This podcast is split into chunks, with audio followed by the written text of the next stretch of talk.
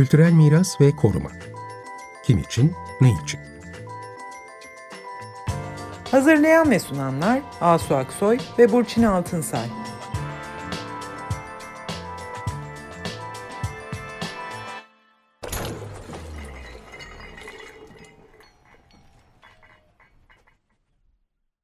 İyi akşamlar, ben Asu Aksoy. Merhaba, iyi akşamlar. Ben Burçin Altınsay. Yılın ilk gününde bu programımız yayınlanıyor. Biz de e, geçen yıla bir bakalım dedik. 2023 yılında kültürel miras ve koruma kim için ne için programımızda neler yaptık? Gündemde neler vardı? Bunları konuşalım istedik.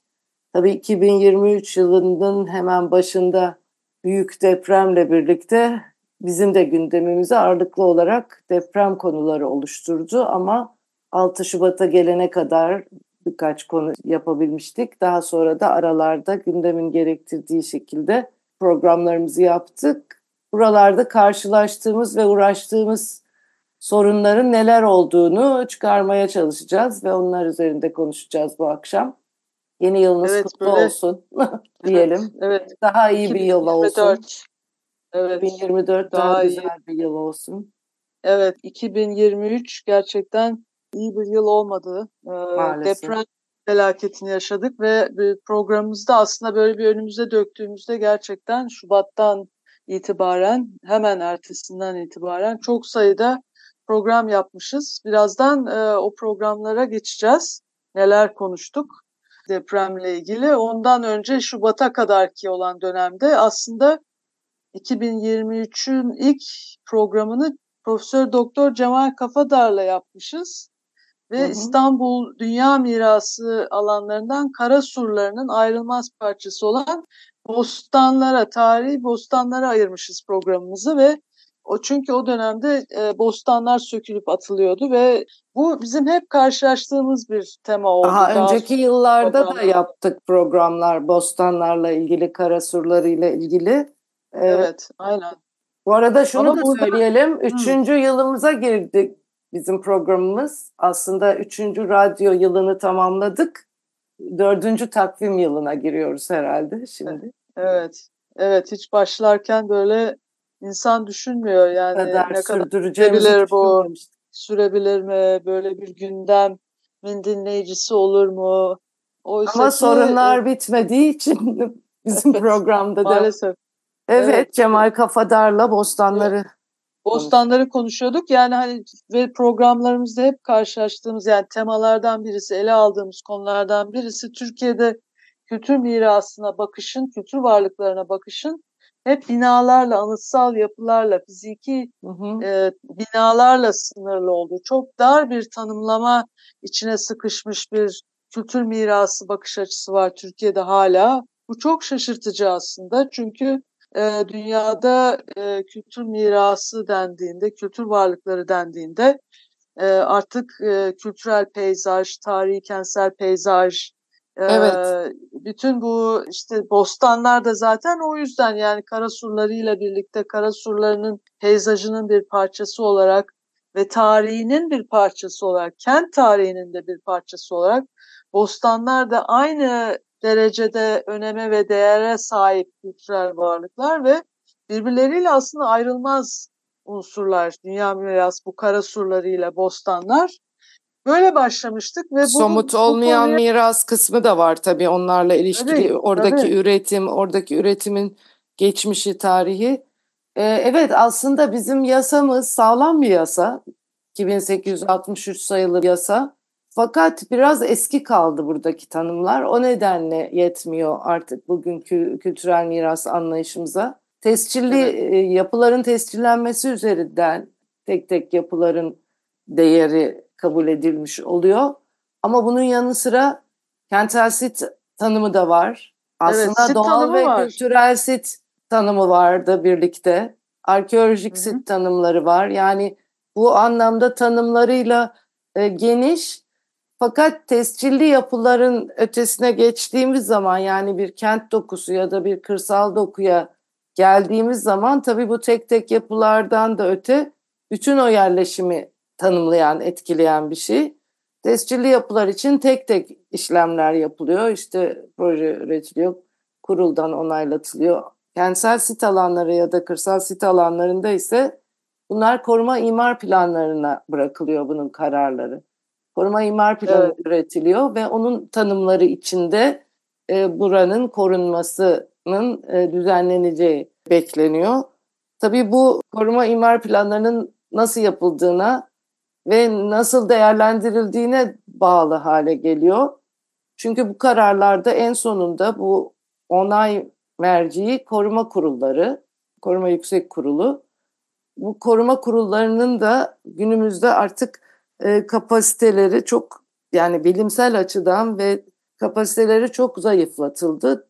Tarafsız ve bilimsel karar üretmekte e, biraz e, yeterli olamıyorlar. Öte yandan tek yapılara dönersek bu tanımlar mesela 20. yüzyıl yapılarını içermiyor. 20. Tabii. yüzyıl başından Cumhuriyetle ilişkilenen, işte önemli kişilerle ilişkilenen yapıların tanımı var. Mesela yine biz bu, bu senenin başında Ankara'daki modern mimarlık ürünü tenis kulübünün yıkıldığını gördük. Ki biz bu konuda bir önceki yılın 2022'nin Temmuz ayında e, bir program yapmıştık. Çünkü o sırada yıkılma Uyar, uyarmıştık değil mi? Çıkmıştı. Evet oradaki evet. o spor tesislerinin kapsamında orasıdaki çok özel tasarlanmış bu tenis kulübü olarak tasarlanmış gerçekten kıymetli bir yapıydı. Maalesef o da yıkıldı. Ki buradan şunu da hatırlatalım. Tescilli olması da her zaman yetmiyor. Yine bir 20. yüzyıl özel yapısı olan Ankara'daki İller Bankası binası da daha yeni restore edilmiş olmasına rağmen, tescilli olmasına rağmen o da bütün uğraşlara karşın yıkıldı. Yani tescil dediğimiz şey de her zaman yapıları koruyamıyor. Baştan Orada bir rekonstrüksiyon şeyi var. İşte onu bu e, deprem ertesi yeniden şehirlerin kurulması tartışmasında programlarda Evet, o da yine aldık.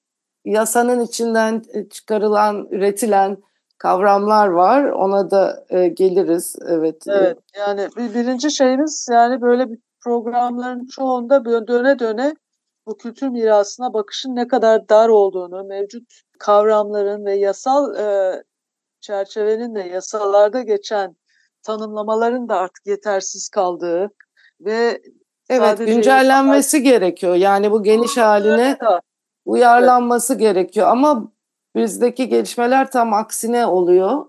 İkinci konumuz e, yine böyle döne döne programlarımızda ele aldığımız mesele Türkiye'de e, gerek e, kentsel, gerek doğal, gerek arkeolojik sit alanlarının çok daha fazla e, derecede yapılaşma tehdidiyle karşı karşıya hı hı. olduğu meselesi. Evet. Bunu çeşitli vakalarda e, ele aldık işte Safranbolu mesela ki Safranbolu ta 1994 yılında Dünya Miras Listesi'ne girmiş bir tarihi şehir. İşte Safranbolu'nun evet. o tarihi şehrine hemen etrafındaki doğal sit alanının e, imara açılması e, söz konusuydu. Bunu konuştuk. E, Uludağ Milli Parkı'nın bir kısmı yine turizm e, odaklı yapılaşmalara açılmak üzere devredilmişti Hı. Uludağ Alan Başkanlığı'na. İşte ardından Paselis Antik Kenti, orada da yine turizm odaklı bir yapılaşma söz konusuydu. Ee, evet, bakanlık birlik, 80, e, evet 85 bin metrekare bayağı büyük bir yere böyle günübirlik tesisler, kafeterya, otobar falan kurmak istiyordu. İşte böyle bir sürü bu konuda program yaptık. Özellikle turizm odaklı, imar odaklı. İşte adalardaki şu anda e, ilan edilmiş olan e, koruma amaçlı imar planı ki bu e, adalı sivil toplum kuruluşlarının dava konusu ettiği bir koruma amaçlı imar planı. Yine burada da önemli bir doğal sit alanı mesela bir örnek koruma amaçlı imar planından buranın evet. bir turizme açılmış olması falan. Yani Ayvalık'taki Tavuk Adası var. Evet, evet orası da var. Ayvalık'ta yine başka bir şey vardı. E, bir akademi binası vardı. Orada bir arkeolojik alan, o arkeolojik alanın üzerine bir inşaat faaliyeti getirilmeye çalışılıyordu. Böyle bir inşaat, imar, turizm hep evet şimdi baskı... yasalarda bu kentsel sit alanları tanımlı işte Safranbolu örneğindeki gibi ama etrafından böyle yavaş yavaş onlara doğru bir yaklaşma var ve bunun için de o yasanın kendisi dediğim gibi aslında sağlam bir yasa ama başka yasalar çıkarılıyor. Kararnamelerle, e, bu ek yasalarla işte mesela 6306 kentsel dönüşüm yasası veya be, benzeri yasalar işte riskli alan ilanıyla deprem bölgesinde de gördüğümüz e, bu koruma yasası yavaş yavaş deliniyor. Mesela kültürel peyzajdan söz ettik. İşte bizde eskiden doğal sit alanlarıyla kültürel sit alanları birlikte ele alınırken zaten kurulların adı da kültür ve tabiat varlıklarını koruma kuruluyken bunlar ayrıldı. Böyle olunca burada İclal Dinçer'e referans verelim. Her bir durum için bir istisna yaratılıyor. Yani yasanın dışında başka bir uygulama için istisnai bir durum yaratılıyor ve böylelikle yavaş yavaş e, bir yapılaşma buralara sızmaya başlıyor. Yetki alanları parçalanıyor. Çevre ve Şehircilik Bakanlığı'yla Kültür Bakanlığı arasında bazı yetkiler dağılıyor ve esas sorumlu ve korumakla yükümlü olan Kültür ve Turizm Bakanlığı iken başka bakanlıkların yetkileri de giriyor. Burada iyice iş e, karışıyor. E, bu mevcut yasaların içinden de demin senin sözünü ettiğin işte rekonstrüksiyon yapabilmek için ihya adı verilen bir yöntem üretildi mesela. Evet yasaya aykırı değil. Koruma kurulları onayladığı sürece yasaya aykırı değil. Ama e, koruma bilincine, koruma anlayışına aykırı. Yani artık günümüzde böyle bir şeyi yok, yok olmuş bir binaya durup dururken yeniden üretmek anlamsız. Bütün anlamını kaybetmiş çünkü. Böyle şeyler e, çıkarılıyor. E, böyle bir pratik gelişti. Çünkü dediğim gibi sonuçta... Evet çok kolaylıkla e, yıkıp yani bunu şeyde konuşmuştuk hatırlarsan evet. Bursa'daki Merkez Bankası'nda hani orada yine bir imar e, e, yeni bir Hı-hı. proje yapılacak bu alanda ve o binayı ki o, o da bir modern dönem eseriydi yanlış hatırlamıyorsam. Evet. Evet evet. Ee, onu oradan yıkalım kaldıralım başka bir yerde onu rekonstrüksiyon Veya yerinde diye. yapalım. Evet veya hiç evet. olmayan bir binanın işte eski belgeleri bulunarak falan e, bu da mesela Gezi'deki e, kışla için öyle yapılmıştı. Evet. Yani e, bunlar aslında orada bir bina yapmak için e, gerekçe üretmek veya bir binayı yıkıp evet. e, işte aslına uygun tırnak içinde yapmak için e, gerekçeler. E, tabii bu dediğim gibi bunun arka planındaki e, gerçekten koruma niyeti yok oluyor. Yani koruma Neyi çünkü, koruduğumuz aslında evet, bu işte koruma hani bu. elimize kalanı Neyi korumaktan e, evet. korumak Çünkü bir şey demek. yıkılmışsa aslında evet. e, o yıkımın da bir e, tarihi bir anlamı bir şeyi var yani onun bir kendi mantığı var. Orada bir yıkım yaşandıysa Değil mi? Evet. Orada belli güçler, belli dengeler, belli nedenler, mantıklar işlemiş. Ee, Ama bazen de işte böyle yaşanmış. felaketlerle, savaşlarla tabii oluyor. Ki, o zaman hani kabul edilebilir olabilir. Tabii. Ama yine onun onu da işte koşulları var yani. Antakya'da şimdi onu tartışıyoruz. Evet zaten. aslında yani bizim Antakya... dönemimizin izi herhalde tarihi varlıkların yıkıldığı bir dönem olarak tarihe geçecek maalesef. Tabii bakanlığımızın... Ya bir tarafta de... afet, bir tarafta afet yıkıyor, bir tarafta da işte bu tür imar operasyonları Rant e, yıkıyor. yıkıyor. Evet, evet. Evet. Yani bun, bunlar iki farklı şeyler aslında. Ve tabii Şimdi bunun hem... acıklı tarafı bunlar hep koruma adı altında işte tarihi koruyoruz, tarihi ayağa kaldırıyoruz, tarihi şöyle yapıyoruz falan. Bu e, jargonla yapılıyor. Bizi üzen bir tarafı da bu parçası. yani. Evet, evet yani yık, de, demin dediğimiz gibi yıkım da bir tarihin bir parçası aslında. Şimdi buradan hemen şeye gelelim. Tabii ki 2023'ün önemli e, konularından, meselelerinden biri de Akbelen ormanlarının kesilerek e, işte bu oradaki kömür madenciliğine daha da fazla e, alan açmaktı. Hı hı. Ve e, bu Akbelen ormanlarının yıkılmaması, kesilmemesi için büyük bir sivil toplum direnişi oldu. ve bu ormanın kesilme, orman aslında bir doğal varlığımız işte bizim ve sadece kendisi orman olarak kendisi değil aynı zamanda su kaynakları, oradaki kırsal yerleşimler, kırsal kültür, arkeolojik e, değerler. Çünkü orada e, inanılmaz bir arkeolojik e, medeniyetin olduğu işte Karya medeniyeti falan yani buradan da aslında tehditler yani kültür mirası, arkeolojik miras, doğal miras üzerindeki bahsettiğimiz tehditlerin bir kaynağı da işte böyle madencilik faaliyetlerinde büyük bir artış ve bu madencilik faaliyetlerinin aslında yapılırken, e, karar verilirken e, işte bu çevre etkisi Yer seçimi yapılırken evet. Evet, kültür mirası üzerindeki etkisi, Arkeolojik... Ve orada da çözüm olarak işte buradan alırız e, özel örnekleri başka bir yere taşırız. Yani bu da evet. böyle müzeci bir yaklaşım. Yerinden ve bütünlüğünden koparıp başka bir yerde sergilemek yeterli geliyor. Bu da doğru bir yaklaşım değil. Bu konuda evet, aslında işte... şeyi söylemeden geçmeyelim. Geçenlerde bir başka bir alanda önemli bir bilim insanı da bu madenlere itiraz edenleri, bu nedenlerle itiraz edenleri epeyce hırpalayıcı konuşmalar yaptı. Yani madencilik gerekli ne demek maden olmasın gibi. Ama aslında maden arayanlar ve çıkaranlar da kendi yöntemlerini biraz ele almalı. Çünkü çok eski usul yöntemlerle yapılıyor. Çevreye çok zarar veren yöntemlerle yapılıyor. Bunların çevre etki değerlendirmeleri, kültürel Yapılması miras etki değerlendirmeleri, arkeolojik miras üzerindeki etki değerlendirmelerinin gerekli uzmanlıklarla yapılması, evet. e, katılım süreçleri işletilerek yapılması ve evet doğru mekanların, yerlerin seçilmesi ve uzun e, vadeli düşünülmesi. Çünkü bir taraftan madencilikle işte iklim krizi bağlantısını evet. da aslında unutmamak lazım. Yani çünkü sadece madencilik de değil. Burada termik santraller de söz konusu mesela. E, Tabii büyük organize büyük... sanayi e, şeyleri e, bölgeleri, bu bütün bütün bu yatırımlar yapılırken bir taraftan da korumaya çalıştığımız değerler, zeytin ağaçlarını hatırlasana ne kadar e, evet. uzun uzun konuştuk zeytin ağacının, zeytinciliğin, bu zeytincilik kültürünün ve bu yaşantısının aslında ne kadar değerli ve önemli olduğunu. Bunları korumaya çalışıyoruz. Niye korumaya çalışıyoruz?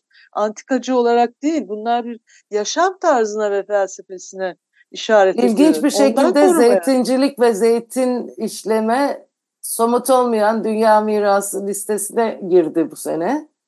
Ama Değil fiziksel evet. mekanda bunların karşılığını nedense göremiyoruz. Yani zeytinlikler, vakıfların zeytinlikleri işte işletmesi durduruldu.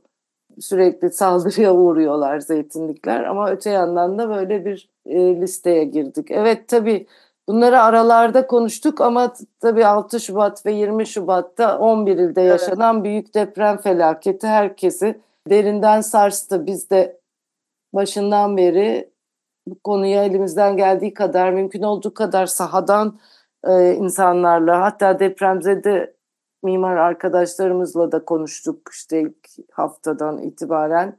Oradaki durumu bize anlattılar ve orada da maalesef göz göre göre yani başından böyle işte bütün uzmanlık kuruluşların işte İKOMOS'un başkalarının bütün çabaları, bütün uyarıları, bütün duyurularına rağmen böyle olmasından korktuğumuz her şey adım adım gerçekleşti. İşte yıkımlar, enkaz kaldırmalar sırasında çok büyük kayıplara uğradı kentsel sit alanındaki yapılar. Şey demişti, onu hatırlatalım mı? Ee, ilk programda galiba ya da ikinci programda hı hı. Antakyalı arkeolog konservatör Kenan Yurttagül'le konuşmuştuk. Hı hı. E, ve çok önemli bir şey söylemişti o. Yani Antakya fiziki olarak büyük çöküntü yaşadı ama ruhu ayakta demişti. Yani bir evet hep Antakya bahsediyor. ruhundan söz ediliyor. Antakyalılık. Ve onu korumak. Yani evet. o ruhu geri getirmek. O ruhu koruyarak şehri ayağa kaldırmak.